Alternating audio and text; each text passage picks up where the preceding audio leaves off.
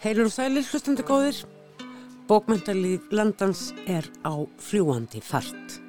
Nú á öðrum í aðvendu er orðið ljóst hvaða bækur domnendir íslensku bókmyndavelununa hafa í kjölfar marathons lesturs valið þær verðugustu til verluna. Það er að segja íslensku bókmyndavelununa og hefur þær á bæ vantilega verið vönduð að ráða. Svo margar framúrskarandi einstakar bækur með sögum og ljóðum. Og þótt tilnemdu skáldsögurnar séu allar engar vel að tilnefningum komnar, þá má spyrja því engin ljóðabók. Þær eru svo margar í ár og svo margar mjög góðar. Vissulega ljóðin eiga sín velun, mæstjórnuna og ljóða unnendur býða því þólinnmóðir vorsins eftir sínum bókmyndalega samkvæmisleik. Skáldskapur er ju ekki keppni, heldur, nöytt og ofnbyrjun. Svona sem dæmi fyrir þau margvíslegu hughrif sem skáldskapurinn vekur. Og þar koma tilnemdar bækur í flokki fagurbókmynda sterkarinn. Hamingju óskir til allra tilnemdra. Hér á dagskrá eru hins vegar ljóðabækur. Hér á eftir heyrum við í tveimur ljóðskáldum sem heyra til hvort sinni kynnslóðinni enda mæðkinn. Þetta eru þau Ragnæður Lárusdóttir og Þorvaldur Sigurbjörn Helgason sem hvort fyrir sig hafa sendt frá sér þrjár ljóðabækur og þær nýjustu kona Skeppna eftir Ragnæði og Mandómur eftir Þorvald komu út um sveipaleiti nú í vetrarbyrju. Þessar bækur eiga ímislegt sameinlegt um leiðu þær eru ger óleikar. Meira um báðar þessar bækur eftir kortir eða svo. Því loksins Eftir tveggja ára hlýja var haldinn bókamessa í hörpu. Í tvo daga, laugardag og fyrsta sunnudag í aðvendu buðu útgefendur og höfundar sínum bestu vinum, lesendum til fjörugs markaðstorgs í hörpu. Kanski var bókamessan þó ekki eins fjölsótt í ár og ætla hefði mátt því þrátt fyrir mikla netfimi landans reyndist ekki alls kostar einfalt að komast að raunum hvar og hvenar einstakir viðbyrður færu fram. Þátturinn orðum bækur treysti á guð og lukkuna, mætti á staðin, heyrum fáinn brot frá heimsón á bókamessum.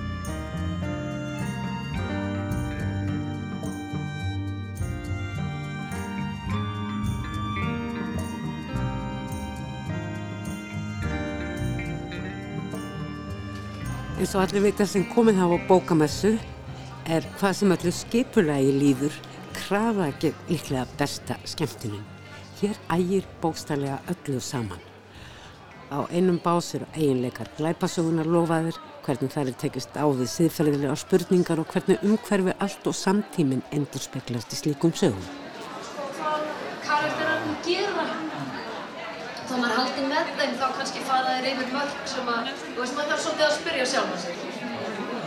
Við ættum að taka það fram að þess að önnur framvindan sem var framvindan hans Kristjáns, ekki hann var að gerist 1990. Í bókum er svo bara steinsnar frá Reykjavík 1990 til klósetta Rómverja til forna sem Sævar Helgi Bragason og Sigin Blöndal afhjópuði á bás Storytel. Þeir halda áfram að tala saman. En hvað eru þeir að gera? Jú, þeir eru að fara að kúka saman. Þessi marmarabrekkur er klósett, forn rómesku klósettbekkur úr marmara. Á þessum tíma var ekki heldur til klósettpappir. Hann var ekki fundin upp fyrir 1857. Förum ekki lengra út í þá sálma því hér fyrir fram að mig stendur manneskjan á bakvið þið áhugaverða forlag Angústúru og einna höfundunum sem þar gefur út bækur sínar. Ránflýring og Marja Rán frá Angústúru. Hér er talsvört um að ske. Engustar er klappað. Þetta er aldrei uh, gleðidagur á þessu mikla annar tíma, ekki satt Marja Rán? Jú, mikill gleðidagur og, og við útgefundur hlokkum alltaf mikið til bókamessunar. Mm. Bæði af því þá fáum við tækifæri til að hitta lesendur og sína hvað við erum búin að vera að vinna að mánuðum saman mm. og svo hitta aðra útgefundur og sjá hvað þeir eru að gefa út. Maður fær svona mikla og góða yfir sín yfir útgáfu árið. Mm. Er þú ekki alveg í stöðu og sambandi við þína lesendur, Ránflöðuring? Já, góð spurning. Ég, svona, jú, jú, ég hitti það á, á förnum frekar. Það var bara út um allt á förnum vegi út Já. í búð og og hérna skólum og svona eitthvað. Já. Og þú kemur náttúrulega líka svo víða við. Þú bæði eh, hérna teiknar í ýmsar bækur en svo ertu náttúrulega líka með þínar einn bækur og þessi eldfjallabók hún er náttúrulega bara algjörlega dásamleg. Hún er sprottin einhvern veginn að persónlegu rótum, er það ekki? Jú, algjörlega, af einhverju algjörri fascinasjón af þessu gósi mm. og þau eru það öll verkefnin og náttúrulega eru öll svo ólíka eins og segir og kannski hafa svona mismunandi hérna, snertifleti. Hvernig er það þegar þú ert að gera svona bók eins og eldfjallabókina? Teksti og myndir. Já. Eru myndirna nummer eitt?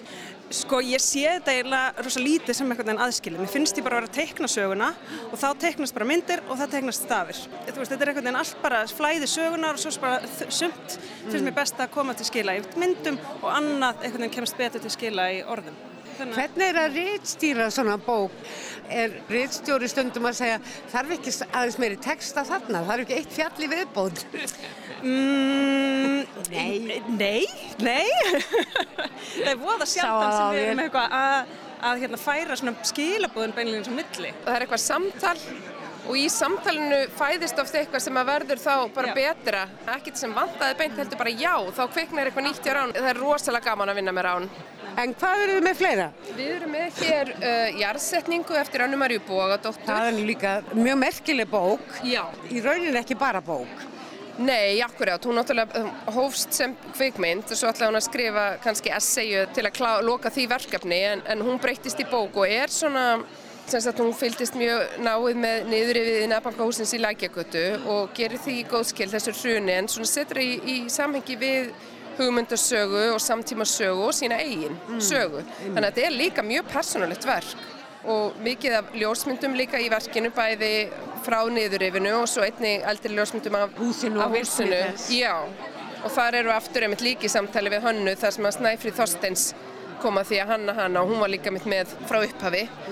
Mjög flott bók og ég hlakka svona til að fylgjast með umræðunni um hana. Þetta er líka svolítið svona þessi nýja nálgun, þú veist, að við getum ekki bara hent húsum og við kannski gerum okkur ekki alveg grein fyrir því hvað það er óumhverfisvænt að rífa og byggja nýtt.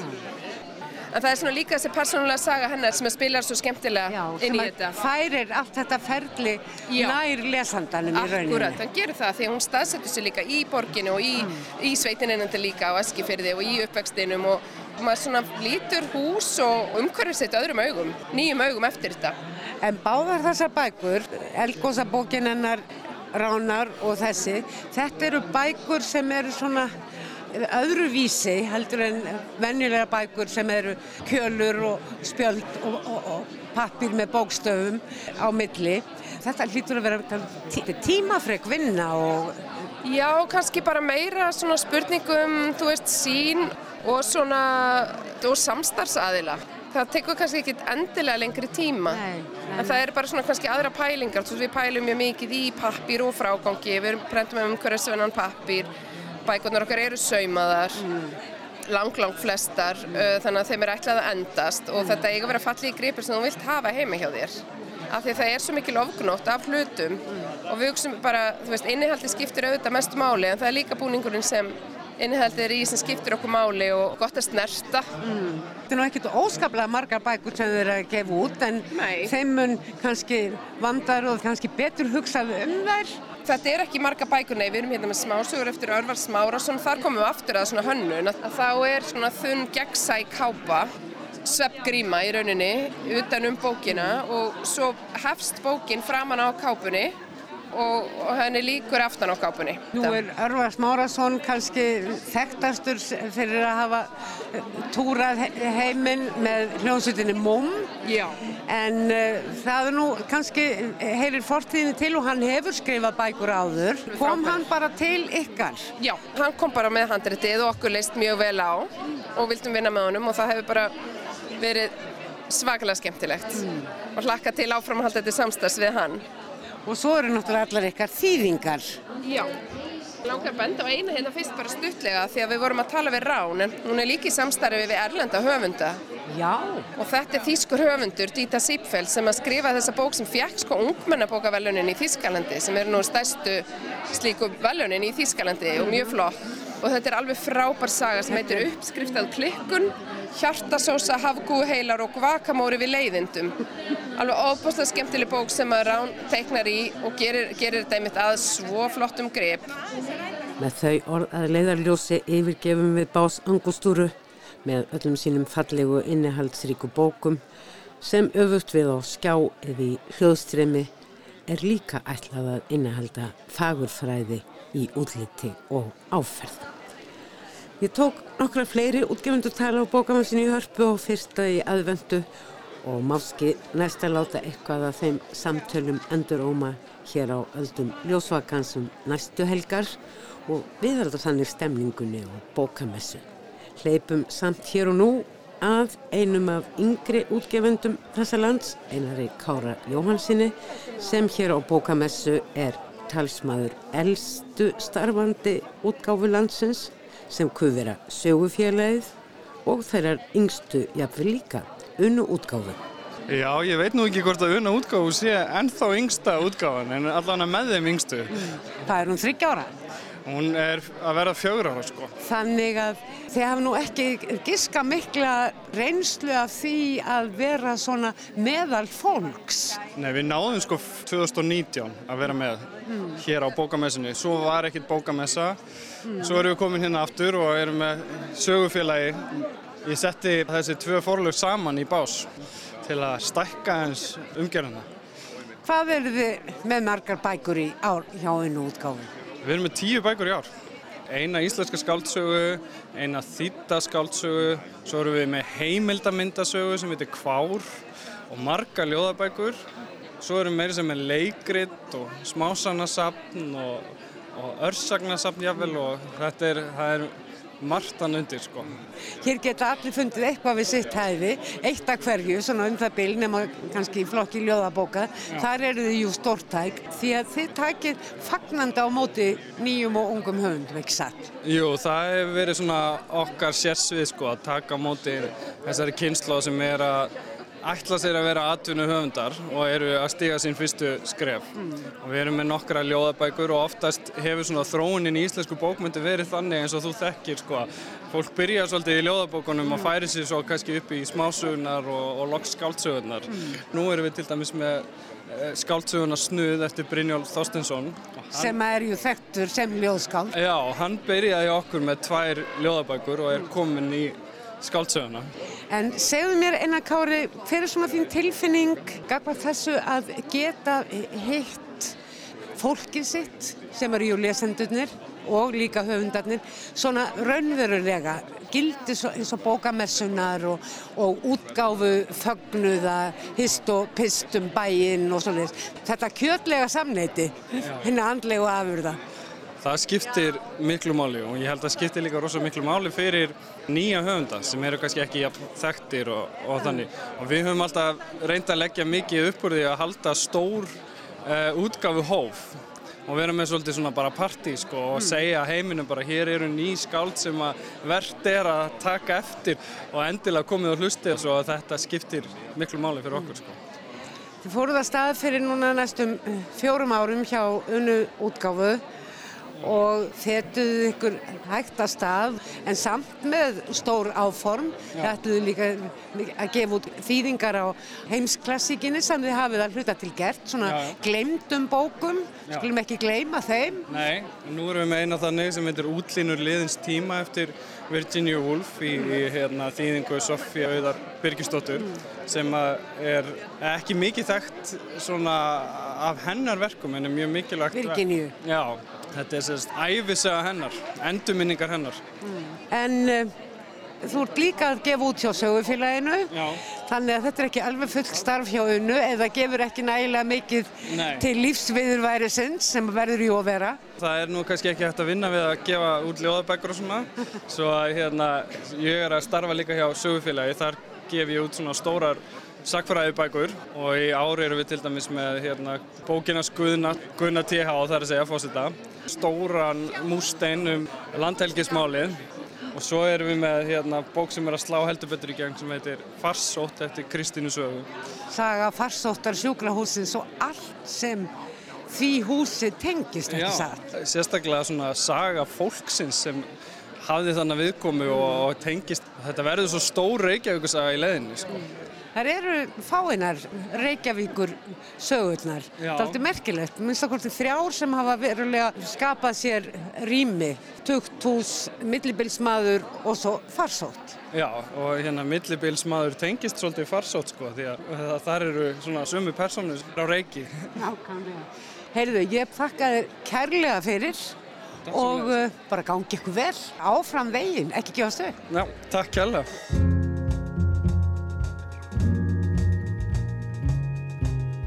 Þau Ragnhildur Lárusdóttir og Þorvaldur Sigurbjörn Helgason gáfu bæði út ljóðabækur ekki alls fyrir löngum. Þetta er þriðja ljóðabók hvors fyrir sig en áður hefur Ragnhildur geið út bækurnar 1901 hvað í hittið fyrra og Gler flýsa klið í fyrra og fekk fyrir þá fyrirnemdu velun Tómasar Gumundssonar. Þorvaldur Sigurbjörn sendi frá sér ljóðabókina Drauma á þvottasnúru árið 2016 og Gangverk árið 2019 og hlaut fyrir handrit þeirra síðarnemdu nýræktarstyrk íslenskrar bókmyndamiðstöðar. En nú er árið 2022 og þau hafa bæði sendt frá sér nýja bók. Ragnæður ljóðabókina Kona Spendir og Þorvaldur Sigurbjörn ljóðabókina Mandómur. Þau Þorvaldur og Ragnæður eru mæðkin og ég er komin á þeirra fund. Komiði sælbæði tvö. Þetta er daldið fyndið og mjög óvenilegt að eiga orðastafið mæðkin sem bæði eru ljóðskáld og bæði að gefa út nýjar bækur. En þetta verður spennandi. Hjartanlega til hamingjum með bækurnar bæði tvö. Sem bæði má líta á sem svo liti líkar en þó mest afar ólíkar. En svo titillin Kona spendir gefur til kynna þá er Ragnarður að yrkja um tilvist konunar. Hvernig þessi staðrönd kynsins ákvarðar svo margt, jáfnvel allt, sem á eftir kemur og hún byrjar strax í benskunni. Mér langar til að byrja á því Ragnarður að, að byrja um að lesa ljóðið Stelpan. Stelpan er stærri og sterkari en eldri bróðir henni. Mamma hennar er stærri en pappin. Amma hennar gerir allt á heimilu sínu, meðan afinn situr í stól og leðst dagblöð. Hún heyrir talað um veikara kynið og skilur ekki hvað áttir við.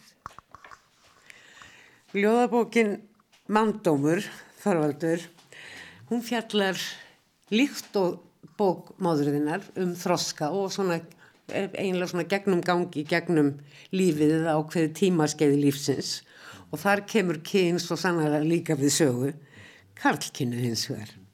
Og mér langar til að byrja þig að um að lesa það er bara fyrsta ljóðið í bókinni. Spádómur heitir það.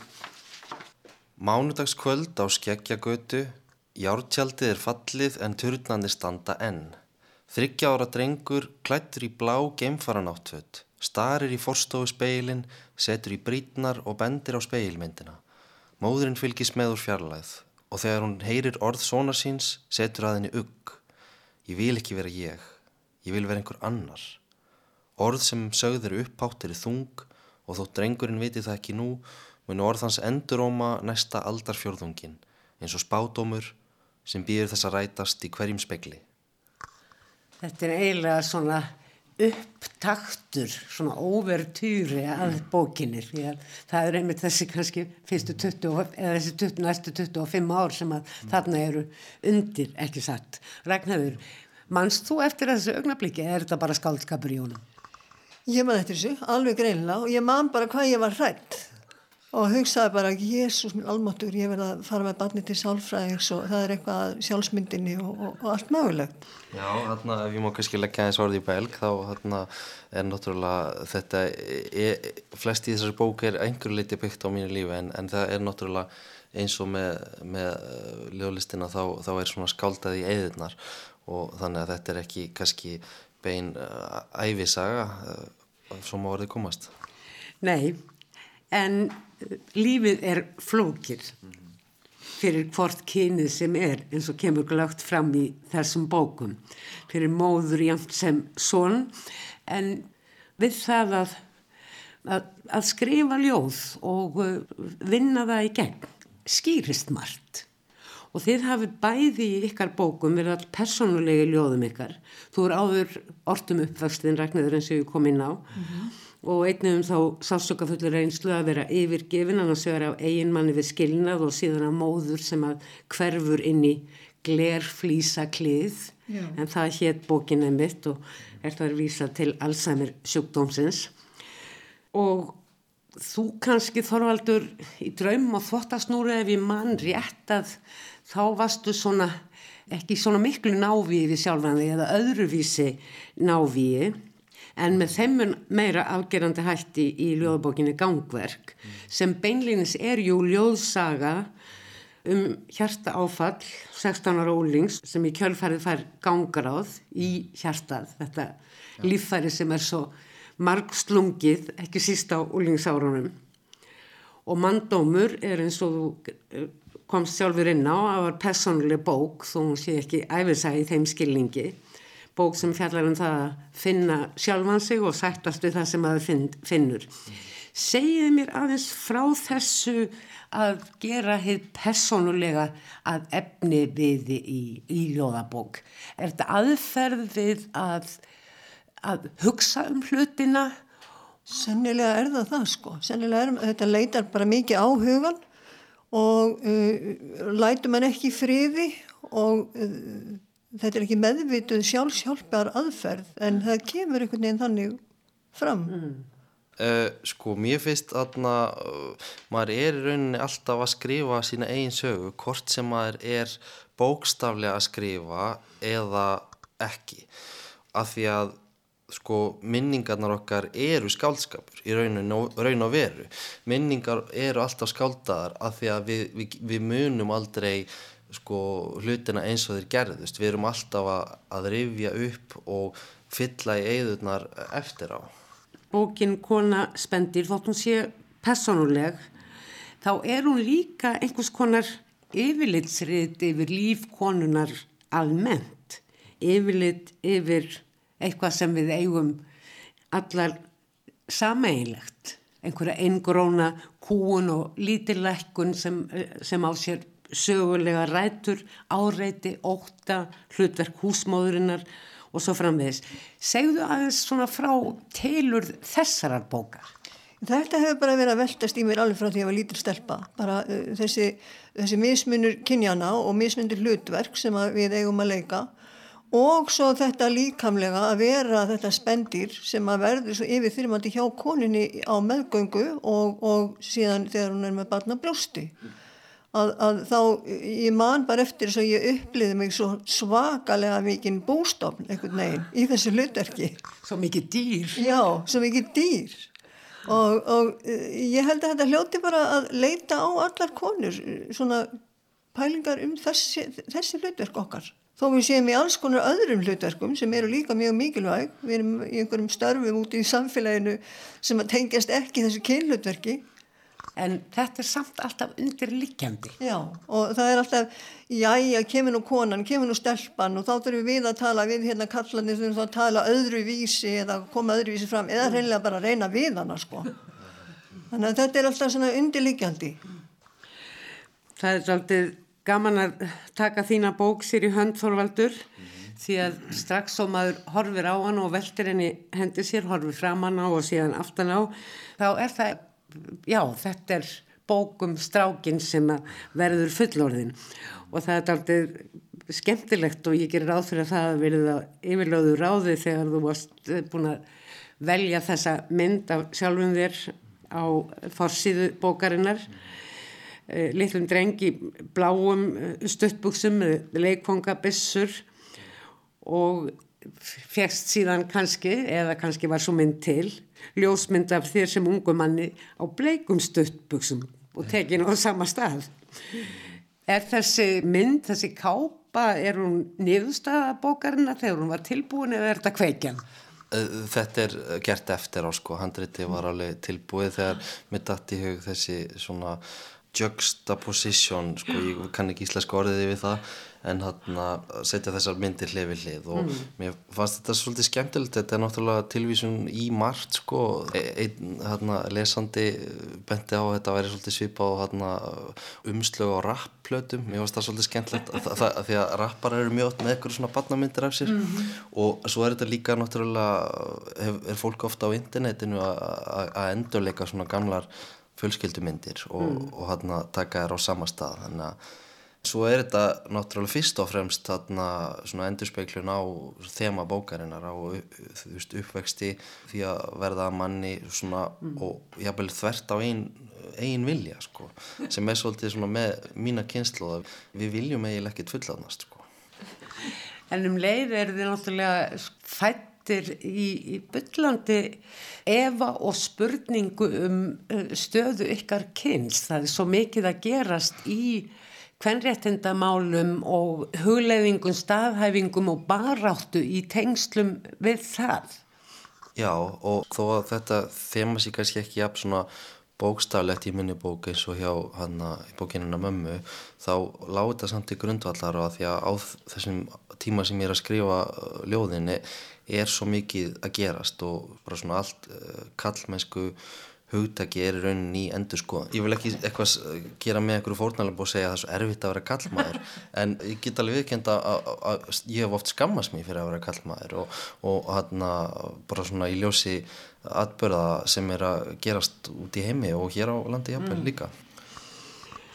Það er stoltið gaman að lesa þessa bækur svona hlið við hlið vitandi það að þeir eru maðgin og hvort öðru nokkuð nákominn, þykist ég vita og þeir yrkir líka beinlýnis um hvort annað. Í öðrum kabla þinnar bókarragnöður, kablanum Spendir, er auðvitað ljóð um fæðingu, fæðingu þorvaldar vantanlega því ljóði vittnar einni, að fara að segja síðara hluta, hluti ljóðsins, vittnar til hjarta atviksins sem ljóðabók þorvaldar gangverk fjallar um. Já. Er til ég að lesa það ljóð? Já. Hann er nýfættur í höndum fæðingalæknis, grár með stóra rifu á höfði. Hann andar ekki. Læknirinn kann ekki að barka þræða ungbarn. 15 ára í sjúkrarúmi, ískaldur og hvítur í öndunarvél með slöngur út um líkvannum. Konan vonar. Þú, Ragnarður, hefur líka mátt gangi gegnum heilsubrest, mátt leggja stundir nývin eins og það kallað og þú, Þorvaldur, þú yrkir um það og fjast mér að segja velun fyrir ljóðið kjöt mamma ekki satt. Jú, jú, og, vissulega og, og það er alveg rétt að þetta, þetta ljóð kjötmamma svona á upptöksín og innblástur í una, veikindum móðuminnar en, en þetta er samt alls ekki sjálfsæfi sögulegt ljóð vil ég segja. Þetta, er, þetta ljóð er mögulega mest í skaldskapurinn í bókinni mm. og, og hann að og þótt að bóki mín sé sjálfsæfisögulega miklu leiti þá svona ber að varast að lesa ljóðin í henni bókstaflega mm. Þú yrkir ju um fleiri fjölskyldumæðlimi Jú, algjörlega og, og, og, hana, og þú veist ég er ekki svolítið bara um mig og mitt fólk í þessari bók og veist, það er svona sem stendur mér næst Þaldið skemmtilega ólík ljóð. Annars vegar ljóð um sýstur þína sem er mjög órætt og maður veit ekki alveg hvað maður á að halda og hvort þú átt mögulega kannski alls enga sýstur og hvort að það skiptir yfir höfuð máli. Og svo er það ljóðið uh, byrju þegar pappi gengur í herbergið eða í stofuna það er hins vegar svo leikrænt maður sér þetta alveg ljóslifandi fyrir sér þennan eh, önnum kabla manni í jakkafötunum að bjarga heiminum eða þannig. Já, algjörlega, þetta er svona í öll þessi ljóð, þessi þrjú ljóð sko, kjötmamman og hérna sýstirinn og, og, og fæðirinn þetta eru svona ákveðnar kannski svona skapandi karakterstúdjur og kannski ef ég má bæta eins við eh, því sem við rættum um, um kjötmamuna sko, þá var nefnilega þetta ljóð var til í sko ljóðatímum hjá Sigurði Pálssoni og þá þar fengum við þarna eh, æfingu um að sko finna eitthvað svona á eh, eitthvað úr Íslandingasögunum og skrifa ljóð út frá því. Og ég fann bara einhverja eina setningu úr Íslandinga þætti sem ég fannst svo flott. og, og svo bara var þetta líka um það litið sem hana, mamma var að gangi gegnum veikindi og, og, og, og þetta bara svona varð til. Svona, þetta hefði aldrei geta orðið til nema að því að þetta voru svo ólíkar kveikjur. Það komu þarna hughrif úr ymsum áttum úr fortsögunum eins og þú segir og eitthvað ólíkindarlegt fyrir Sigur Pálsson og svo þessar þessar viðkvæmi aðstæður að, að móðurinn er, er veik. Já, já, algjörlega sko og það er svo skemmtilegt að, að hana, hvernig svona skálskapurinn kviknastundum úr ólíklegustu áttum. Ragnar, það er haft eftir þér á vefsíðunni skál.is að þú hefði skrifað ljóð frá því þú lærðir að skrifa og þú byrstir jú endrum og sinnum svona eh, ljóð í blöðum og tímaritum. Eiga síður varð Þorvaldur fyrri til að senda frá sér bók, draum á þottarsnúru hvernig kom það við þig? Ég var náttúrulega mjög ánað og stolt af honum að, þegar hann kom með þessa bók og það hafa svolítið að uppfylla mína eigin drauma sem var skemmtilegt. Og, og ég held að það ítt svolítið við mér líka að drífa nú í þessu. Já, þetta væri ekkert svo mikið mála að gefa út bók. Strákurinn gata Já, kannski ég, sko, það er alveg svolítið mál en, en bara að, að það væri kannski skemmtilegra heldur en að eiga þetta bara alltaf fyrir sjálf á sig. Hvenar vissir þú Þorvaldur að mammaði var að skrifa ljóð?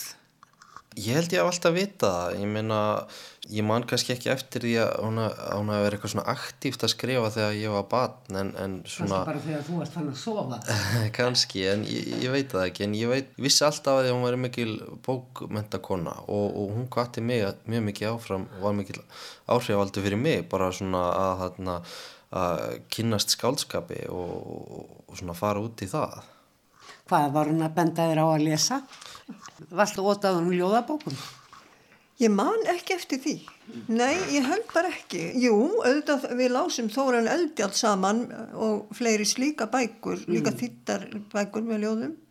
Þú lítur nú sjálfa að hafa lesið mikið ljóð. Þú ert jú íslensku kennar ekki satt Jú. í framhaldsskóla og ert í ára tugi að skrifa ljóð Já. og lítur því að hafa daldið grúskað í ljóðum í gegnum tíðum.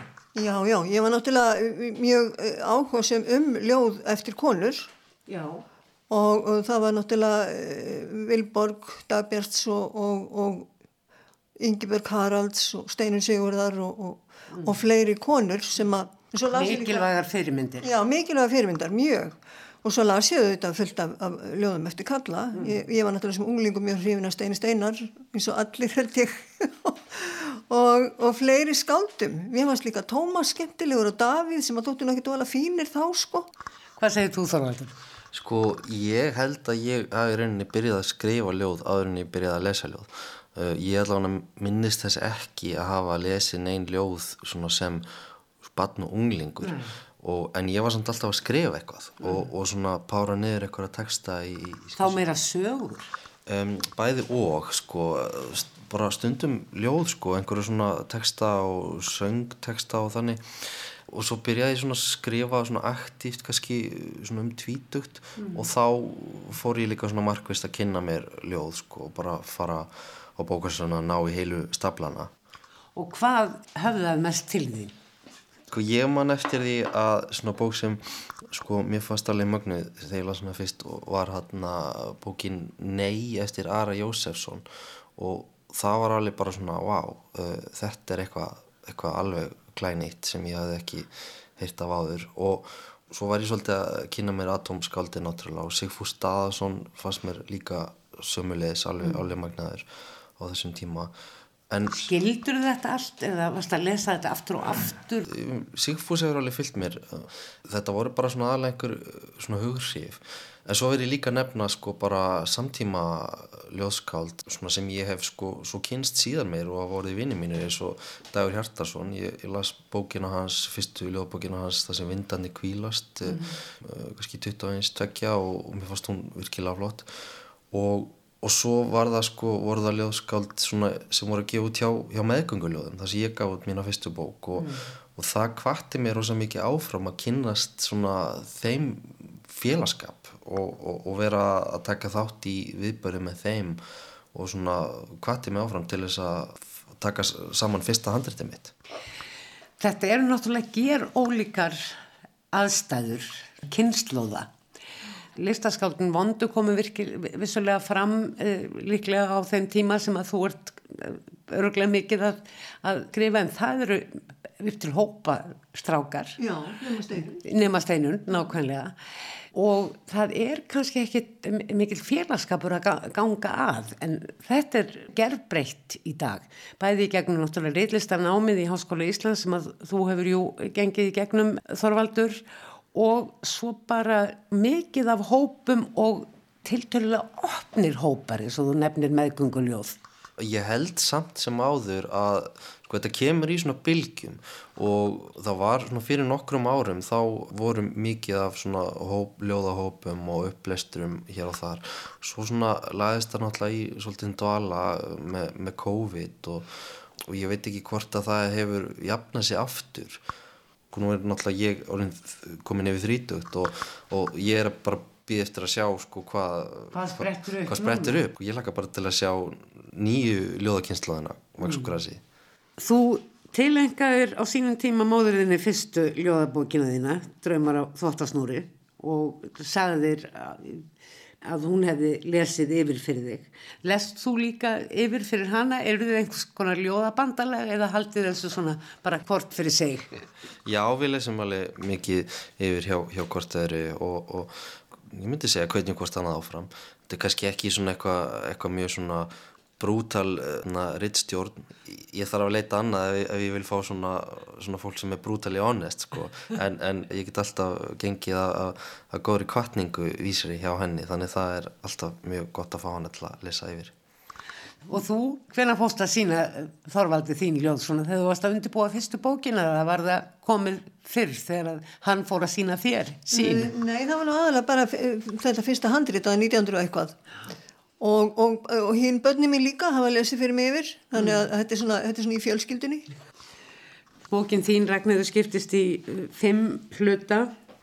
Og hver hluti eða titilblad hvers hluta er í lit. Já. þetta eru mismunandi rauðri litir mm -hmm. utan síðasta kaplan þar er það grænt. Já. og uh, þótt því, þín ljóðabók skiptist nú bara í þrjá hluta uh, Þorvaldur að þá heitir síðasti hlutin í gardi þetta er einhvern veginn mjög grænt. Og það er einhver staðar svona já, kirkjugarður kom upp í hugan því þetta er svona daldir ekki endalók en þetta eru svona einhver, einhver lók á, á, á einhver ákveðnu skeiði sem er mundað inni í lók begja bókana Já, ég held að það sé öruglega að finna margar tengingar hann á milli.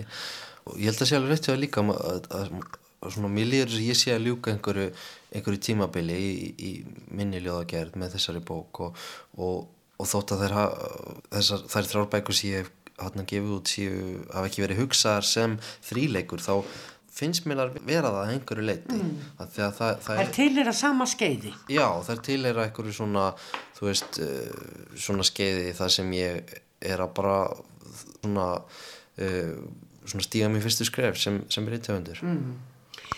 Þessi ljóð til dæmis í bókinni Mandómur, eru þau öll frá svipuðum tíma eða eru þau einhver þessara ljóða jafnvel til svona á þeim tíma sem að ljóðin í Draumar og þóttasnúru eða eh, gangverki eru til? Kjarnin var til á svona árinu 2019 til 2021 en svo eru þarna eldri ljóð, það er til dæmis eitt ljóð sem átti að upphálega vera í gangverk en ég ætla ekki að segja hvaða ljóð það er mm. Og lesendur verður bara að finna það út gera sér leika því já, en þetta er kannski svona fimm ára tímabili heldina sko mm. Er þetta svipuð saga hjá þér? Er, finnst þér að ljúka einhverju skeiði með þessu svona, hvað ég segja, yfirlit kallaði ég það, yfir lífkonunar? Ég hef nú ekki veldi fyrir mér Mér finnst ég ekki verið búin að nýta alla þræði. Nei. Þannig að það getur alveg verið að ég skrif eitthvað, eitthvað sem er á sveipuðum slófum í hugsun. Mm. Ég veit að þú ert bladamaður, þú er alltur menningar bladamaður og fréttablaðinu og það er mikið að gera við skriftir á þeim vettvangi akkurat núna þannig að ég gerir ráð fyrir að ekki að skrifa ljóð á hverjum degi en svona alla jafna, hversu auðin ertu? Uh, ljóðin verða bara fá sinn tíma sko, er bara að koma þegar þau koma ég, mér finnst líka oft svona eins og svona ljóðin þurfum við að matla svona svolítið í bakgrunninum og þú veist maður er kannski komið með hugmynd að einhverju ljóði og, og maður drita þínir á blað og svo er þetta svona aftast í hausnum að svona ring sóla einhvern veginn mm. og stundum komaði bara eins og þú veist bara full mótu bara eins og þrjuma og heiskýru lofti en það, það er mjög sjálfgæft Ragnar, þú skrifa frá því þú lærður að skrifa, skrifa ljóð Er þú yfir? Já, ég, stundum. Og, og ég er alveg sko komin með uh, slatta í nýtt handrit nú þegar. En þó ég hafi skrifað alltaf sko þá á ég ekkit af þessu gamla dóti sem að ég gerði þá. En sko stundum náttúrulega ég segi eins og þorvaldur stundum kemur þetta bara kemur en stundum kemur ekki neitt. Og ég flega þetta þegar ég var með börnum í lítil að þá skrifaði ég mjög lítil mm. Það, ég held að það sé bara vegna þess að þá er maður svo upptekinn og... Maður er að yrkja annað. Já, maður er að yrkja annað sem að, að og grasi og blómstra sem betur fer. Við skulum nú fara að ljúka þessu. Egið ekki í hvort í sinni bókinni, ég veit ekki hvort ég á að byggja Þorvaldum að velja ljóður konu spendir og öfugt en þið ráðið því í rauninni. En mér langar til þess að þið veljið ykkur ljóð til þess að lesa að lókum. Það er náttúrulega skemmtilega pæling að ég lesi eitthvað úr, úr kona spendir Ég er sem að taka hérna á skrifstofinni Á skrifstofinni stend fyrir framann skrifborðið í gulum podlagalla með fötu í vinstri og skoblu í hægri söndugt hór á efri mör. Ég á þessa skrifstofu. Hvítir vegginni lykt af öryggi og erðarleysi. Á tölvuskjánum blikka þrjú þúsund ólesin e-mail eða 3000 skærrauð umferðaljós. Í ártúnsbrekku er þryggja tíma umferðateppa en ég er bara hér á skrifstofinni. Sting skoblunni í fötuna og móka sandi á liklaborðið. Móka þar til stafinir eru grafnir undir svörstum hól. Á skjánum blikkar e-mail. Innum gluggan heyrist bílflut. Mamma er komin að sækja mig. Ragnarður Lárustóttir, þakka þér kærlega fyrir að lesa þetta ljóð á skrifstofunni eftir sonðin Þorvald Sigurbjörn Helgason. Og nú er það þú að lesa ljóð eftir móðinu Þorvaldur? Já. Endurræsing. Hún fjarlægir hárið sker ringlega op á kollin liftir tungli af húð og beini. Þarna liggur hann grár og slepulegur eins og risastór lirfa. Hún rærir í gumsinu lokar aftur og virkar miklu betur mjög líkamlegt ljóð þó það sé í rauninu um hugsana lífærið, ekki satt. Jú, jú, jú, þannig er heilin sem að margir efiðis nú lengi vel um að konur hefðu að hefðu sál en þarna er, er hún að enduræsa sig svo, mm. svo starfinu betur. Ragnar Lárastóttir Þorvaldur Sigurbjörn Helgason það var gaman að spjalla við ykkur um ljóðabækvarnar ykkar og Ég er bara býð spennt. Takk sem við leiðist. Takk sem við leiðist. Fleiri verða orðum bækur ekki að þessu sinni. Tæknimaður þessa þáttar var Lítiða Gretarstóttir. Takk fyrir að hlusta. Verði sæl.